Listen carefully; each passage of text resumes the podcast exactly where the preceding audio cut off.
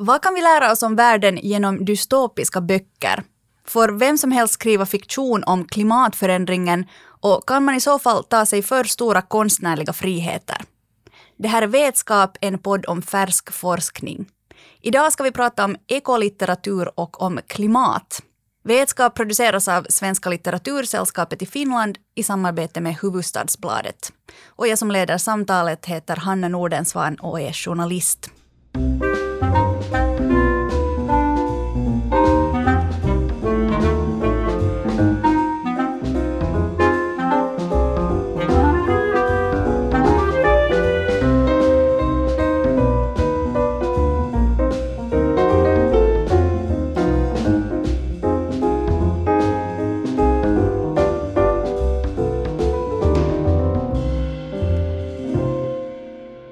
Vi spelar in det här samtalet under coronapandemin, så vi är lite uppdelade här idag. Men med i studion, men på tryggt avstånd, har jag Mikael Hildén, som är professor vid Finlands miljöcentral, där han leder det strategiska programmet för klimatforskning. Och med från Åbo är Pia Albeck, filosofidoktor, forskare och lektor i litteraturvetenskap på Åbo Akademi. Välkommen till er båda. Vi ska prata om klimatkris idag och både ur ett litterärt men också ett naturvetenskapligt perspektiv. Det blir väldigt intressant. Ni får kort börja både med att presentera er själva och era forskningsområden. Vill du Pia börja? Eh, jo, tack ska du ha. Eh, jag är då litteraturvetare. Egentligen har jag min doktorsexamen i engelska språket och litteraturen och det var den vägen jag kom in på eh, det här området ekokritik.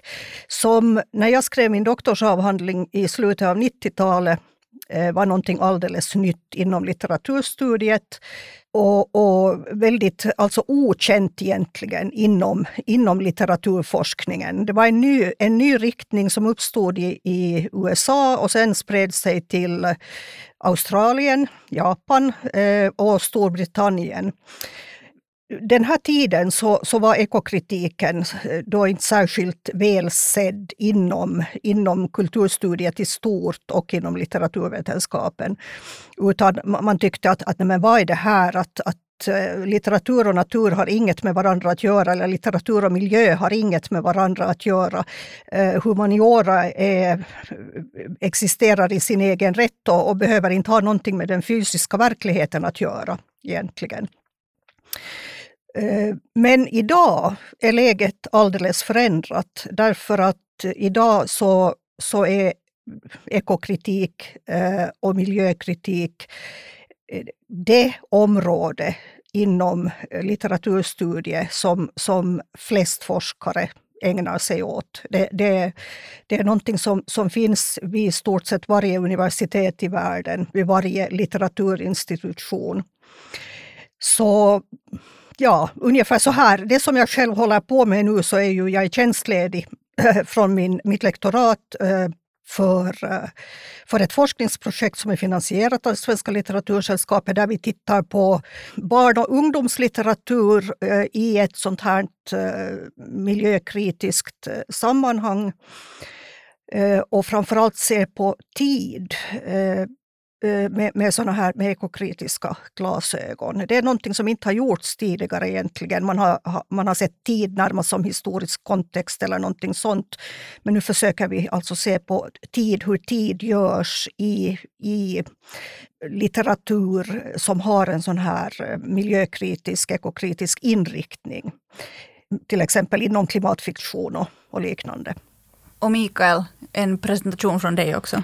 Ja, tack. Eh, min, min bakgrund är ursprungligen i förvaltningen av naturresurser, så att, och specifikt fiskerifrågor, men att sen de senaste eh, cirka 20, 20 åren så har jag jobbat med framförallt analys av, av politik, eh, miljöpolitik, klimatpolitik och, och försöka utvärdera dels vad, vad den här, det här politikområdet innefattar och vilka konsekvenser det har för den ska jag säga, verkliga verkligheten, det vill säga hur påverkar då politiken både innovationer och sen då eh, direkt miljöns tillstånd. Så att det här området är då en del av, av vad vi sysslar med på Finlands miljöcentral. Men att också så leder jag för tillfället ett program under det så kallade strategiska forskningsrådet som eh, finansieras då av statsrådet enligt stora, sådana större program. Och, och, det program som jag då leder heter eh, Mot ett klimatneutralt och resurssnålt Finland. Eh, och det programmet fortsätter ännu ett år ungefär. Då ska vi försöka se hur det, hur det hela eh, knyts ihop. Men att den här tematiken har aktualiserats, precis som Pia säger, det är också en, ett tema som kommer i olika former, inte bara den här direkta naturvetenskapliga utan uttryckligen då en vidare samhällsvetenskaplig också, en koppling till det, till det konstnärliga. Mm. Vad tycker du om det här som, som Pia nämnde, att, att det har ansetts att litteratur och miljö inte egentligen har med någonting med varandra att göra? Det är, en, det är en intressant, jag har inte reflekterat över det på, på det sättet, kanske just för att jag då ända, ända sedan skoltiden egentligen var intresserad av den här Eh, också interaktionen och tittat och läst sådana böcker, men jag har inte reflekterat över vad litteraturvetarna som sådana, som Skrå, eh, sysslar med. Men att, men att som, som då ett kuriosa, att det, eh, faktiskt redan på 1920-talet så studerade min farfar eh, naturskildringarna i Linnéseklets svenska diktning, så att det, det, det är helt okänt det här tematiken, inte, även om han då inte tittar på det från en, en miljökritisk, men att uttryckligen som en, en förändring där där vetenskapen tog fram nya frågor och han, han då tittade i litteraturen, att hur började det här synas i litteraturen och hur, hur tog då den tidens författare upp den här tematiken. Så att det finns vissa paralleller. Mm. Det är ju en, ja, ett intressant sammanträffande. Um, jag tror att, att vi måste börja, det är svårt att prata någonting idag utan att nämna covid-19, corona, och, och den värld vi nu märker plötsligt att vi lever i har fått mig att tänka på ett specifikt äh, litterärt verk, Blindheten av José Saramago, äh, som handlar om en värld där alla plötsligt äh, förlorar synen utom då en person och man måste på sätt och vis hitta nya lösningar att ta sig fram genom världen. Och, och det, det kanske inte lika extremt den här coronatiden som vi lever i, men, men samtidigt så är det många som, som har sagt på något sätt att det känns som att vi lever i en dystopi. Vad säger ni, tycker ni att, att dystopier, sånt som man har läst, äh, så här science fiction kanske, känns de plötsligt mer realistiska? Uh, ja och nej. Jag skulle säga så här att Idag så forskas det ju väldigt mycket inom litteraturvetenskapen just kring dystopi och det skrivs alltså väldigt många dystopier, dystopiska romaner. Eh, både inom eh, vuxenlitteraturen och inom eh, ungdomslitteraturen. Men eh, det som, som jag tänker mig, och här gör jag då en sån här miljökritisk koppling. Eh, jag, jag, tänker då på, på vad vi faktiskt kan, jag menar som författare och litteraturforskare, eh, vad vi kan, kan göra för miljön. Om vi tänker oss att litteraturen är ett slags, ett slags index till våra föreställningar. Där har vi ett, ett koncentrat av vad som rör sig inom oss, eh, i våra hjärnor, våra känslor, vad vi, vad vi föreställer oss kring eh, det liv vi lever nu, eh, kring de problem vi har och de problem som, som eventuellt ska komma.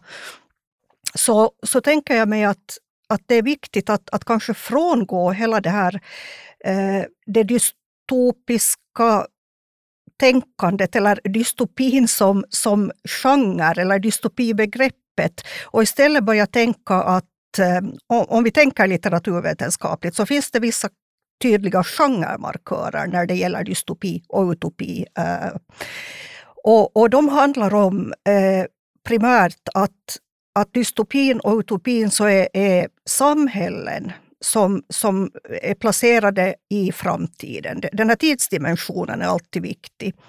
Eh, det är ett annat, en annan tid och en, ett, ett annat rum som, som, som de här berättelserna utspelar sig i. Och så också om vi ser på dagens dystopier så, så förhåller det sig just på det sättet. Det kan handla om 30 år framåt i tiden, eh, 40 år, någonting sånt.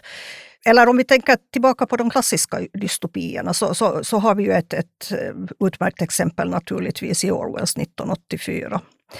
Men när, när vi kommer in på frågan om realism, eh, som, som du Hanna tog upp här, så, så, så tänker jag mig att att, att det här att, att vi liksom går in för, för dystopin eh, som en sån här privilegierad litterär genre som vi ägnar oss åt som forskare och som författare är någonting som blir kontraproduktivt. Vi, vi tänker inte realistiskt då. Vi handlar inte till äh, miljöns fromma. Istället så, så, så, så, tänker jag mig att, att vi behöver alltså realistiska eh, romaner, berättelser kring eh, den tid vi lever i nu. För, som, som, som motiverar alltså ett, eh, ett, ett handlande som kommer miljön och naturen till fromma så att säga.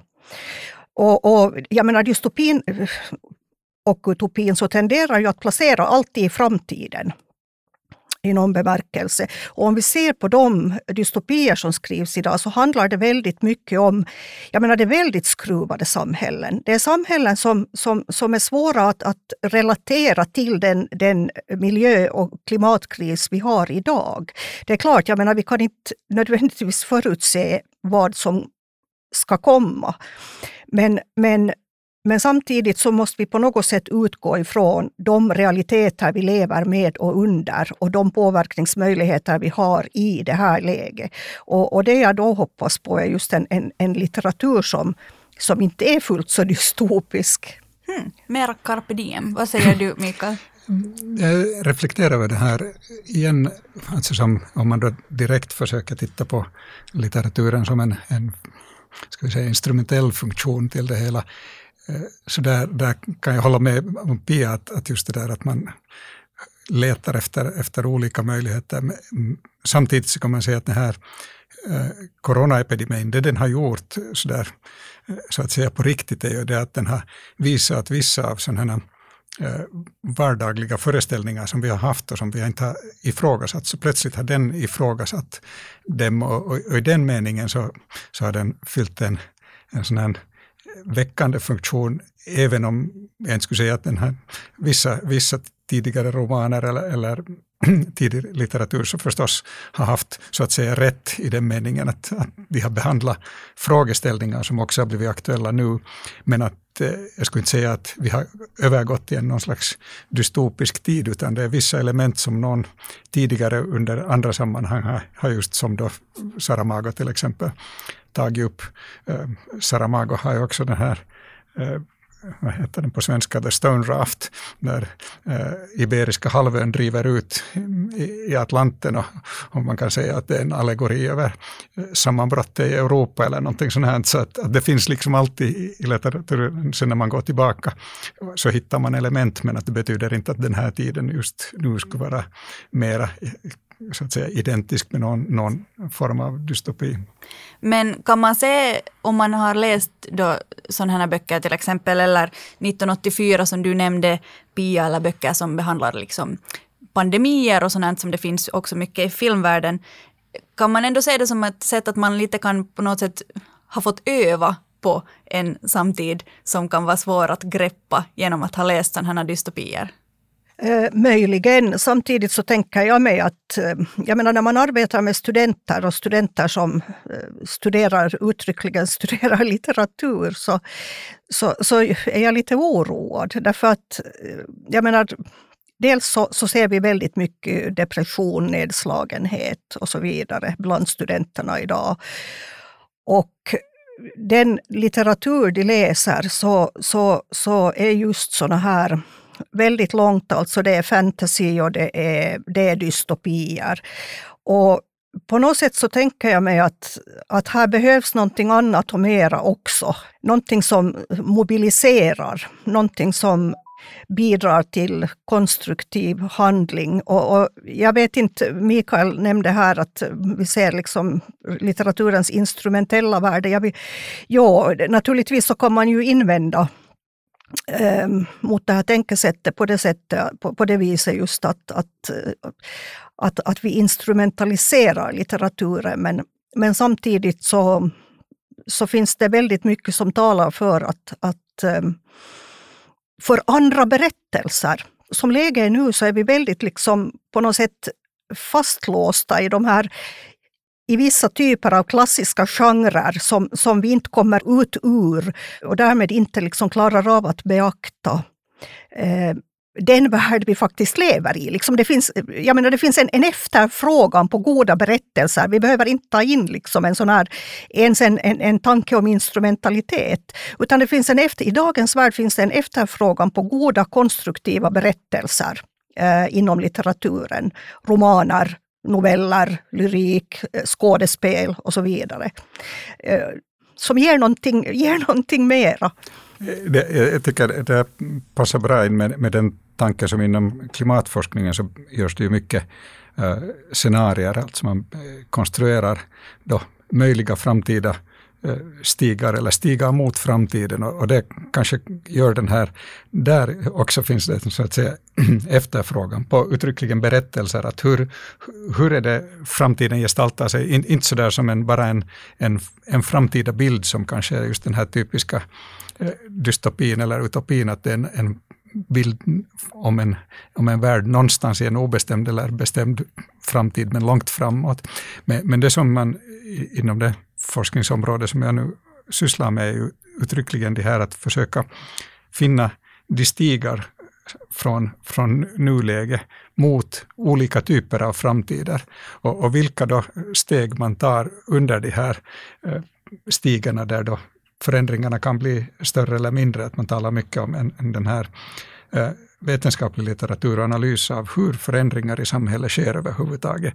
Och, och då, där kan man då ta in också nu den här covid-19 som en, en sån här nytt element som har förskjutit vissa saker och kanske förstärkt andra saker som då till exempel eh, digitaliseringen, att, att den har gett en, en, en spark framåt när det gäller digitaliseringen, medan den har då eh, skapat andra som är ett problem och hur, hur då det här faller ut när vi börjar titta längre framåt i, i framtiden. Så det är där, där de här berättelserna just kunde komma in. Vill du Pia tillägga någonting där ännu? Jo, alltså jag skulle säga det att, att litteraturen har ju traditionellt och, och jag, jag, skulle säga att det allt fortfarande gäller. Um, betraktats som en, en, sån här, en, en, en källa att, att ösa ur just när det gäller möjliga lösningar. För hur vi kan tänka på ett annat sätt, hur vi kan, kan eh, lösa problem och, och så vidare. Och så vidare. Och, och därför så, så, tycker jag ju också att, att det är viktigt att, att beakta litteraturen, den litteratur som skrivs och samtidigt kanske i någon mån också försöka påverka den Eh, och uppmana till, till en större öppenhet i, i, vad ska vi säga, när det gäller litterära grepp, när det gäller eh, själva de berättelser som berättas, eh, när det gäller kontexter och liknande karaktärer. Just för att, att litteraturen har någonting, någonting att komma med när det gäller, när det gäller samhällslösningar. Mm. Ser du Mikael där att litteraturen kan ha en, en roll att, att liksom öka medvetenheten om klimatfrågor? Alltså utan vidare så har den, kan den ha den, den funktionen också. Och, och, det där, just när det gäller då klimat eller, eller miljöproblem överhuvudtaget, så, så det att det behövs olika infallsvinklar för att olika människor då uppfattar saker dels från, från olika bakgrund och, få insikter på olika sätt. Att, att någon fördjupar sig i då populärvetenskaplig litteratur och, och, och, det är det som ger de här insikterna. Någon annan närmar sig det hela från en då mera säga, skönlitteraturvinkel och då i, i den mån skönlitteraturen också kan illustrera eller, eller fördjupa insikter kring det här. Att det, det är olika infallsvinklar till, till samma helhet och, och på det sättet eh, Mm. värdefulla båda två. Men att det, jag tror inte att man kan säga att, att nu, nu måste alla läsa någonting för att, att komma till en viss insikt, utan det, det blir helt enkelt en, en, kombination av de här olika. Och, och den diskussion som vi för i samhället är just en blandning av alla de här infallsvinklarna och, och olika olika aspekterna som då kan lyftas fram, dels av då konst överhuvudtaget, litteratur specifikt och sen då vetenskapen populariserad i olika former. Du, du svarar ju Pia delvis redan på det här att, att du efterlyser mera realistisk representation av, av klimat i, i litteratur. Men, men tycker ni att litteraturen återspeglar då klimatförändringen till exempel um, tillräckligt ren i nuläget? Det är svårt att, att säga från en sån här eh, kvantitativ analys av det hela. Det, nej, det, det, det, det, det, tror inte man kan, man kan säga. Jag skulle kanske vinkla det på det sättet och säga att, att det finns aspekter som säkert ännu kan belysas med litteratur. Det är inte ett liksom uttömt område och, och i, i, den mån så, så är det ett, ett, fruktbart område. Men att sen eh, kan man ju inte tänka sig egentligen att, att någon eh, kommitté eller, eller, eller politiskt parti dikterar vilken, vilken typ av litteratur som vi nu ska skriva, utan, utan det har vi exempel på hur det går. Jo visst, alltså, nej nej, alltså, eh, någon, jag menar, kvantitativa metoder kommer inte in i, i det här sammanhanget. Eh, alltså det skrivs ju jättemycket klimatlitteratur av olika slag naturligtvis. Det skrivs mycket eh, också, också mycket, nu har vi talat om dystopier huvudsakligen här. Och, och, och dystopierna är ju ganska utmärkande just för ungdomslitteraturen, eh, alldeles tydligt. Det skrivs ju de facto realistisk klimatlitteratur också. Eh, och, och, det är ju inte fråga om annat. Och, och det jag ju som sagt efterlyser är mera av det slaget. Sen är ju frågan den liksom att, att jaha, jag menar det finns ju oändligt mycket man kan göra inom ramen för ett realistiskt modus. Det är ju inte så, vi har ju inte att göra med ett ett till ett förhållande på något sätt. När vi säger realism så, så, så handlar det ju i någon bemärkelse om Eh, Hanna, du nämnde representation. Eh, det kan det naturligtvis vara, men det behöver inte alltid vara det. Eh, vi kan också tala om realism som ehm, med Roland Barthes och, och, och, tala om, om den här ehm, realismeffekten. Det vill säga känslan av det verkliga som, som, som ju blir viktig i sammanhanget här. För att det handlar ju om väldigt långt att om vi vill på något sätt mana människor till, till, till, handling eller till ett ändrat beteende eller till större insikt i klimatfrågorna, eh, större medvetenhet om dem, så, så handlar det ju i grunden nog om att, om att väcka, en, väcka en känsla eh, som motiverar. Och då, jag menar, det behöver ju inte alls eh, lyckas med hjälp av liksom, att vi representerar litteraturen utgående från ett sånt här eh, mimetiskt synsätt, utan, utan det handlar om det handlar ju primärt nog om, om, om just den här, den här mimesis-effekten, verklighetseffekten som, som, måste liksom, som drabbar läsaren. Ja, det, det, jag skulle säga just att, att också det här som då klimat eller, eller överhuvudtaget Eh, globala kriser, vi kan tala om biodiversitet eller vad som helst, så, så redan just den här insikten att, att saker hänger samman på olika sätt, på, på ett mera längre och djupare sätt än, än vad vi kanske tänker sådär rent vardagligt, som då också just covid-19 ger ett exempel på, att det här beroende mellan olika världsdelar och hur snabbt eh, information och i det här fallet en sjukdom kan då transporteras och bli en pandemi. Så, så där, den typen av insikter och, och förståelse att det finns de här sammanhang, så även om man inte ens använder till exempel ordet klimat i en, ett, ett verk, så kan det bidra till den här insikten om att en, en djupare förståelse för varför överhuvudtaget det här är viktigt. Så, så det, den typen av, att det är också en, en, en mångformighet i den här, hur man behandlar det här. Mm, ja, det kan man väl kanske säga att det är konstens uppgift allmänt att, att liksom tolka och, och spegla och, och, analysera. Alltså litteraturen erbjuder så enormt mycket, konsten erbjuder så mycket, litteraturen erbjuder så enormt mycket. Och inom ramen för, jag menar ramarna kan vara hur, hur vida som helst egentligen. Eh, och liksom möjligheten att, att skapa inom de ramarna är, är fullständigt fria, är, är också oändliga egentligen. Men, men ändå har vi något så här yttre, yttre parametrar, yttre faktorer som, som, som ger, en sån här, ger en sån här kontext. Och det är det jag är ute efter kanske närmast, att liksom att den, den, det beaktas, att de beaktas, de parametrarna, de faktorerna beaktas. Det samhälle vi lever i idag Eh, Eh, den miljöhistoriska situation vi lever i idag. Eh, att, att det finns liksom någon form av att, man, att författarna eh, i, i någon, någon mening beaktar, beaktar detta. Hur de sen gör det så är ju en annan sak. Jag har visserligen talat om realism eh, och Eh, ja, gärna eh, mycket mer av realistiska skillnader, men det bety- eh, skildringar, ursäkta mig. Men det betyder ju inte att, att, att annan litteratur skulle uteslutas. Eller att, att man skulle, skulle börja komma med, med påbud eller förbud för den delen gällande vilken, vilken litteratur som skrivs. Den konstnärliga friheten är ju eh, legio, så är det ju. Det, det är inte fråga om annat. Det, det man kan säga är, är, ju att det som är, är och är, redan har varit fruktbart det är ju en, en, en kommunikation över då litteraturen och naturvetenskap och så vidare. Den här typen av gränsöverskridande projekt. Så där tror jag Absolut. att det finns en, en, mycket, ja. en stor potential. Och jag har varit med om, eh, vi har ju, inom just det här forskningsprogrammet som jag ledde så, så skapades en energiopera och där då eh, Finlands energipolitik framställdes i operaform och, och, och, det, och det har gjorts då radioprogram, det har gjorts eh, olika konstnärliga projekt. Så att, att där finns liksom ett fält som, som är värt att, att titta på och, och där det kan ju ge inspiration och nya idéer, just som Pia säger, att det, skapande är ju fritt sen när det, när det gäller, men att de här impulserna är, är kanske intressanta just för, för alla parter.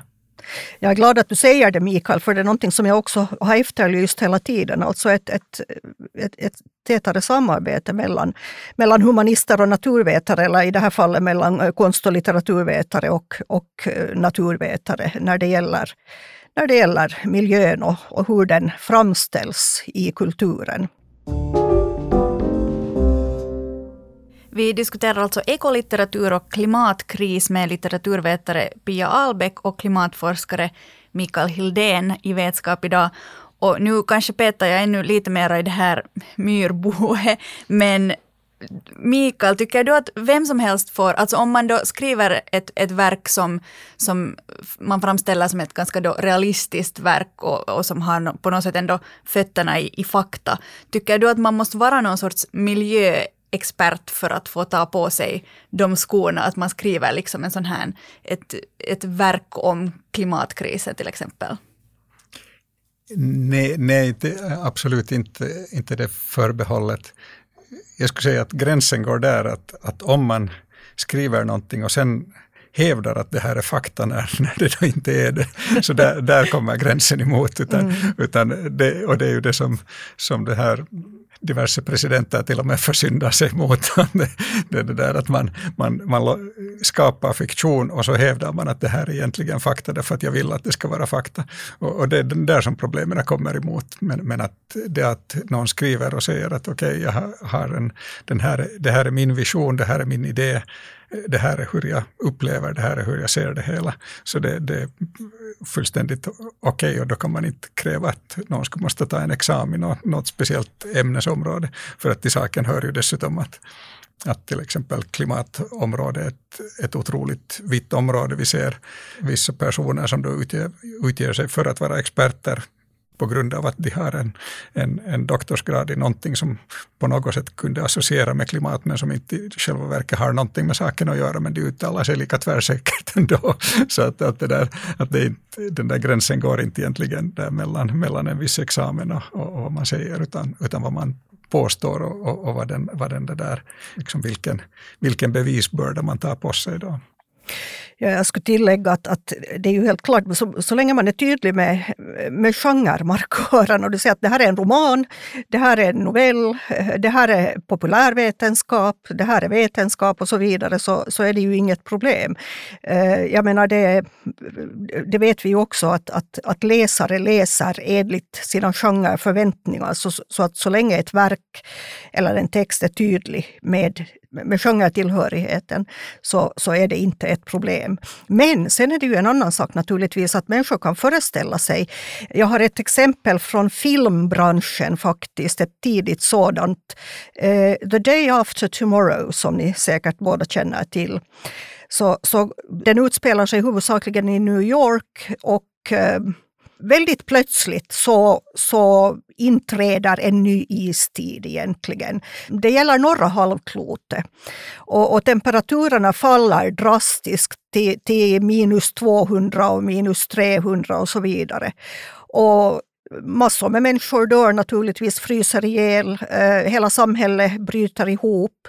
Eh, slutligen så, det, det är ju sen också förstås en, en liten krets av människor, det är ju alltid det som vi har i de här eh, katastrofinriktade klimatfiktionerna, en liten krets av människor, en familj eller en, en, en forskare som på något sätt räddar inte bara sina anhöriga utan också en, en större krets. Och I det här fallet så, så sker det genom att alltså de, de har förskansat sig i, i centralbiblioteket i New York. Och, och där börjar de då elda upp böckerna för att hålla värmen att just den filmen så, så, så gav ju upphov till panik faktiskt eh, i större skala ute, alltså i samhället. Och, och då, då så, så sändes sen studier och diskussioner liksom för att, att påvisa att, att och där det deltog då faktiskt ekokritiker, eh, medlemmar från, från den här europeiska centralorganisationen för studiet av, av litteratur och miljö och, och, och, där de förklarar på vilket sätt den här filmen är fiktiv. Det, det, är ju en intressant fråga i och för sig. Enligt min uppfattning så, så borde det ju ha stått klart för var och en att, att just den filmen så var en fiktion men samtidigt så, så visade det sig alltså att, att många förstod den, upplevde den på ett annat sätt. Det är kanske också en, en verklighet som vi lever i, att, att gränserna mellan fiktion och fakta allt mer suddas ut också i, i konstnärliga verk där man um, ofta läser på första sidan att det här baserar sig på verkliga händelser eller, eller att det är uh, autofiktivt eller halvdokumentärt eller vad det allt finns för termer kring det här. Steget till en konspirationsteori eller till att, att så kallade uh, fake news eller alternativa fakta sprids från ett sånt här verk är kanske inte så långt. Ja, no, kanske på det, på det sättet förstås, det här, det här är ett generellt problem överhuvudtaget, oberoende av om vi talar om klimatfrågor eller politiska skeenden eller, jag menar, Brexit har lyfts fram som ett exempel där, där fakta och fiktion också blandades saligen ihop, så att, att, att det är ju ett, ett fenomen som, som är en, delvis en produkt av då, uh, utvecklingen inom internet, utvecklingen av kommunikationer överhuvudtaget, så att att det är klart att det ställer nya utmaningar på i synnerhet då undervisningen av ända från, från tidig ålder, barns, barnsben, att hur, hur, hur skolar man människor till att bli mediakritiska överhuvudtaget? Och då också kan man hoppas kritiska när det gäller eller förmåga att kunna tolka, just som Pia säger, att, att inse vad som är genre av, av en spe, specifik natur och, och, när, när då element av verkligheten kommer in. Men att, att det där, jag ser det uttryckligen nog som en, som en utmaning för då samhälle och, och, och samhällen där utbildningsnivån av olika orsaker är låg har det svårare. och Där blir den här blandningen ännu, ännu saligare. Mm du skulle inte sätta in så här tvång på att böcker måste ha någon sorts så disclaimer på slutet att obs, det här är absolut inte sant och kommer aldrig att vara sant. Mm, det, det, det, är lite sådär som på samma sätt man har den här amerikanska där man, där man för sådana varningsskyltar för allt för att, för att frita sig ansvar så, så skriver man in de här varningarna. Jag, jag tror inte det fungerar inte i längden helt enkelt. Eh, uh, jo, alltså det ställer ju stora krav på medial läskunnighet och det är ju någonting som, som tränas i skolorna i särskilt hög grad idag och någonting som, som vi också har tagit in i, i utbildningen av uh, modersmålslärare i, inom, inom litteraturvetenskapen. Alltså det är det här att kunna, kunna läsa olika medier och, och, och just den här mediala läskunnigheten, den är otroligt viktig. Mm. Och jag tänker att det här kan också någonting som ett, en ett konstnärligt verk, en bok, där äh, författaren har tagit, tagit sig konstnärliga friheter, men så här på något sätt med en plan att den ändå ska vara till exempel som en, som en varning. Men då kan någon annan ta den och tolka den åt ett annat håll och sen sprida liksom den tolkningen som kan sen få ett, en bredare spridning än, än det här ursprungliga verket. Så det är ju också, kan jag tänka mig, svårt för författare att, att på något sätt ha kontroll över, över det de försöker säga. Det är intressant, alltså. Det, det, det, är riktigt. Det är ju, jag menar, litteraturen är ju också stadd i förändring. Hela litteraturinstitutionen är ju stadd i förändring i vårt samhälle nu. Just på grund av den här den, den mediala utvecklingen, digitaliseringen och, och eh, så att, att, jag menar, en kritiker, mycket ansedd, ansedd kritiker och författare, Magnus William Olsson, så uttryckte det så här att, att idag är vi ju alla författare när vi gör våra, våra Facebook eller Twitter-uppdateringar och så vidare. Så att eh, författaren som sådan så har ju förlorat i status också där, därigenom egentligen. Eh, vi har ju inte längre en författare med stort F, utan, utan vi har, vi, vi har en, en, författare som är död på sätt och vis och så har vi texter som, som flyter omkring. Dramatiskt. Ja, men det, det är ju lite samma från forskningen med generellt att det finns då det här som nu någon konstaterar att, att den här covid-19 spridningen kan man nog kanske på något sätt hålla, hålla koll på, men att det man inte kan hålla koll på är den här tillväxten i antalet experter som tror sig veta någonting om det. Och det, det, det där. och detsamma gäller då klimatfrågor där, där då människor som har, har läst några, några populärvetenskapliga böcker plötsligt börjar publicera på internet och, och, och låta påskina att det nu hade kommit fram till den stora sanningen. Och, och då, Eh, en analog situation på det sättet att det är eh, också utmaningar för forskningen. Att hur, hur kommunicerar forskningen överhuvudtaget med samhället? Och när det gäller Finland så har vi ju en, på sitt sätt en lite sån här trygg, trygg miljö, att här är tilltron till, till vetenskap stark och här, här finns det ett, en, en acceptans. Jag skulle föreställa mig att också den här eh, tilltron eller acceptans och, och, respekten för författare och så vidare, så att det, den är kanske generellt högre i ett samhälle där det finns på något sätt en, en organiserad verklighet, medan sen då i andra samhällen där det här flyter omkring och misstron är liksom en dominerande faktor, så då, då det där är det vem som helst kan stiga sig upp på en, på en då, låda och, och, skrika ut sin, sin sanning eller sin historia. Mm. Mm. Ja, jag håller, jag håller helt med. Och, och, du, du, när du sa Pia så här att alla, alla kan vara författare idag och att författarens stora F har blivit hen ifråntaget. Men om man vänder på det uh, och tittar på det liksom ur, ur perspektivet att har naturvetare, skulle man kunna säga att ni har någonting att lära er Mikael också från litteraturen, för att litteraturen har ju då alltid låna från vetenskapen och, och, och ta i eh, exempel till sig, till sig själv. Men, men kan man vända på steken? No, alltså som jag sa, att, att till exempel då just det, det mycket konkreta just när det gäller då, uh, utveckling av scenarier. Uh, hur, hurdana scenarier skapar vi? Hur, hur gör vi dem?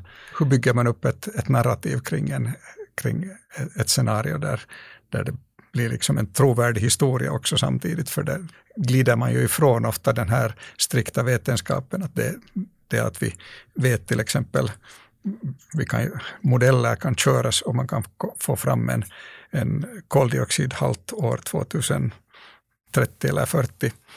Men, men det där hur samhället ser ut då, så det, det, är ju någonting som inte, det finns ingen, ingen metod att entydigt säga och då, då uttryckligen kommer vi in i ett område där, där då just de redskap som, som författarna, som litteraturen har, är, är direkt belysande eller, eller, och, och, viktiga att, att kunna förstå.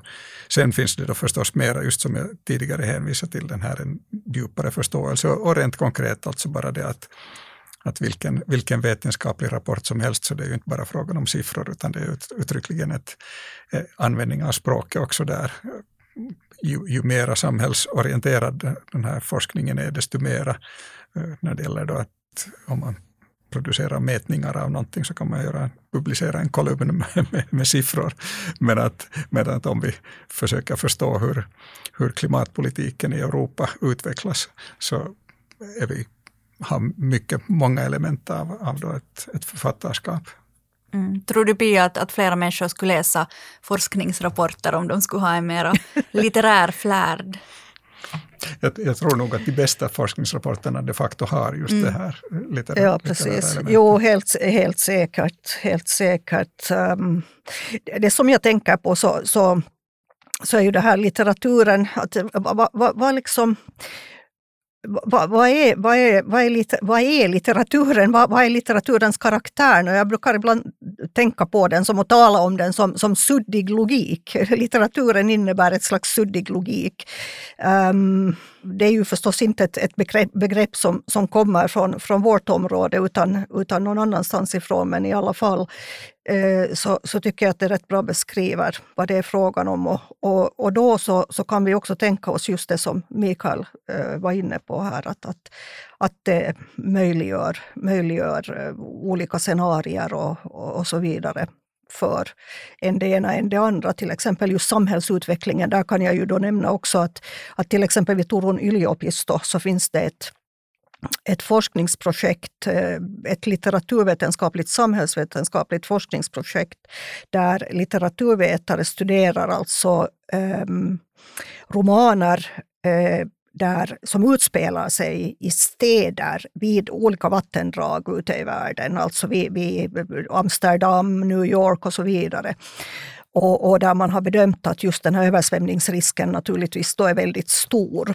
Och sen så, så läser man det i förhållande till olika stadsplaneringsdokument och så vidare, framtida stadsplanering och, och, så, och så här.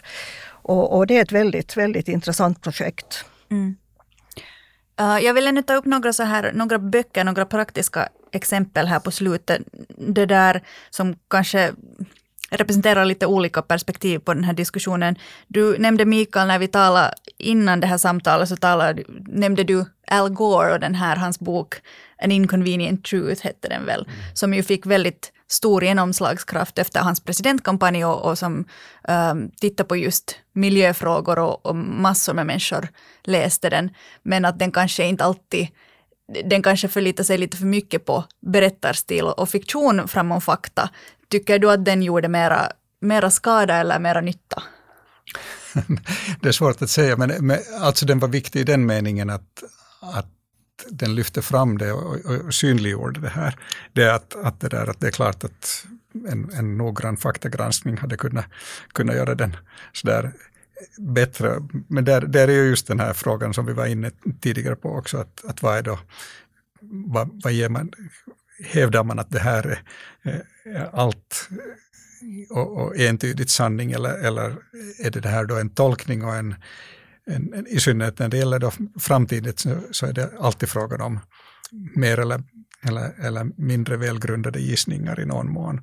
Och, och, och då han valde att, att understryka de här då dystopiska elementen som, som väckte folk. Jag menar, det, vi har sett på samma sätt eh, Romklubbens rapport i tiden så fick också en stark genomslagskraft för att den lyfte fram saker som man då inte hade reflekterar över lika, lika mycket som, som tidigare. Så att, att jag skulle säga att det var viktigt att den kom ut. Eh, det att eh, hade den haft samma effekt om den hade kommit ut mera redigerad, så det är svårt att säga. Mm.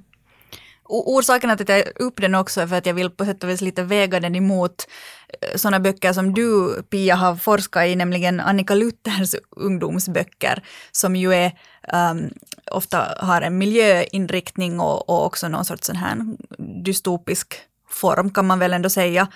Um, Pia, ur ditt perspektiv, skulle du säga att, att Annika Luthers böcker har en lika stor effekt för att de är ofta ganska liksom grundade i fakta, som då till exempel den här Al Gores bok. Det där var en svår fråga faktiskt.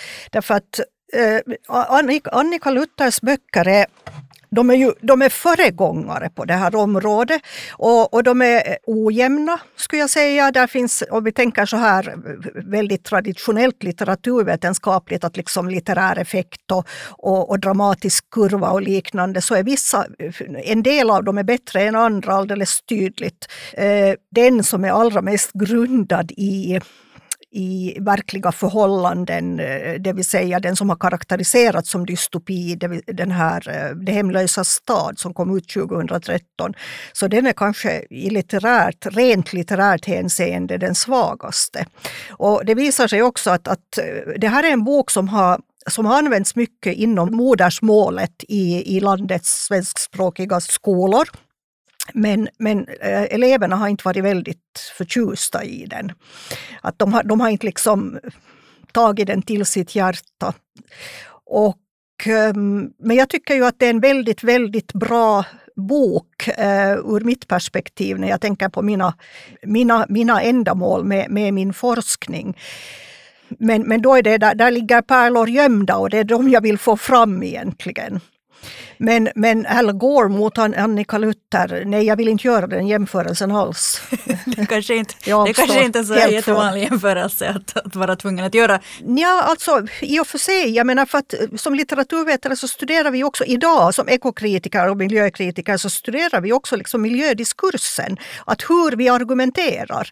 Hur, hur, det som Mikael var inne på här i början också. Att hur, hur förs det här samtalet i offentligheten? Vilka inlägg används?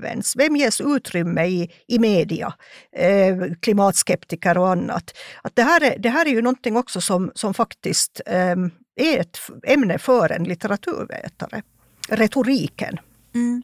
Kan man säga att, för att om man tittar nu på den, de här två, alltså en, en fiktionsförfattare som uh, skriver fiktion men baserat på väldigt mycket fakta i och med att då Annika Lytter är en biologilärare och så en, en faktabok som använder eh, litterära berättartekniker för att göra den kanske mera liksom tillgänglig. Finns det sen mera någon skillnad på de här två olika genrerna? Jag tänker så här att, att en, en sak som vi nu glömmer bort är Al Gores um, status, position eh, som vicepresident när han skrev den här och, liksom, och, och hans, hans språk och, och det här, det att han nådde ut ju då till, till hela världen egentligen. Och Annika Luther, svensk, finlandssvensk ungdomsboksförfattare.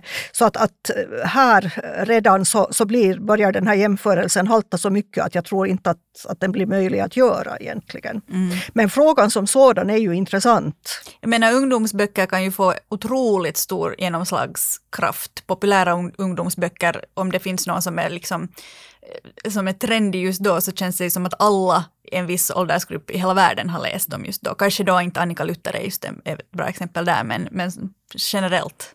Det är sant. Det Här kommer vi ju inte ifrån alltså sånt som bokmarknaden som ju är en väldigt cynisk marknad. Eh, liksom många annan marknad.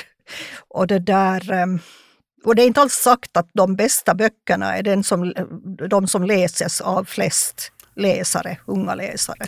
Men, men ofta så tas det ju nog upp vissa sådana då, tematik, jag menar det, det, det där som du var inne på just av då författare av som, som får stor spridning, så, så de kan då till varierande grad ha element av det här som vi har diskuterat. Och det, det är då, där en, en intressant fråga som du Pia var inne på, just det där att är är det så att de deltar i ett offentligt samtal eller, eller skriver de då cyniskt bara för att de vet vilken typ av, av litteratur som går hem hos eh, en viss ålderskategori. Att, att där är ju också att det finns de här eh, ren, bokindustrier på den, den sidan. Så att, eh, och där kan man ju säga att man kunde önska, ett, ett ansvar hos författarna att de då lyfter fram tematik, men att det också är en sån här from förhoppning. Så.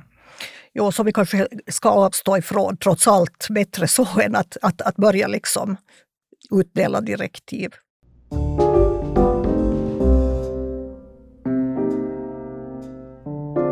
Det här var ett avsnitt av podden Vetskap. Mitt namn är Hanna Nordensvan och gäster idag var forskarna Mikael Hildén och Pia Ahlbäck. Tack så mycket. Producent för den här podden är Nina Edgren Henriksson och ansvarig redaktör är Marika McLean. För tekniken stod Tage Rönnqvist och Rasmus Tåg i Eva Lingons studio i Helsingfors och Henry Neumann i Booksound studio i Åbo. Vetskap produceras av Svenska litteratursällskapet som är en av de stora forskningsfinansiärerna inom humaniora och samhällsvetenskaper i Finland och av Huvudstadsbladet som är Finlands största dagstidning på svenska. Tack för din uppmärksamhet.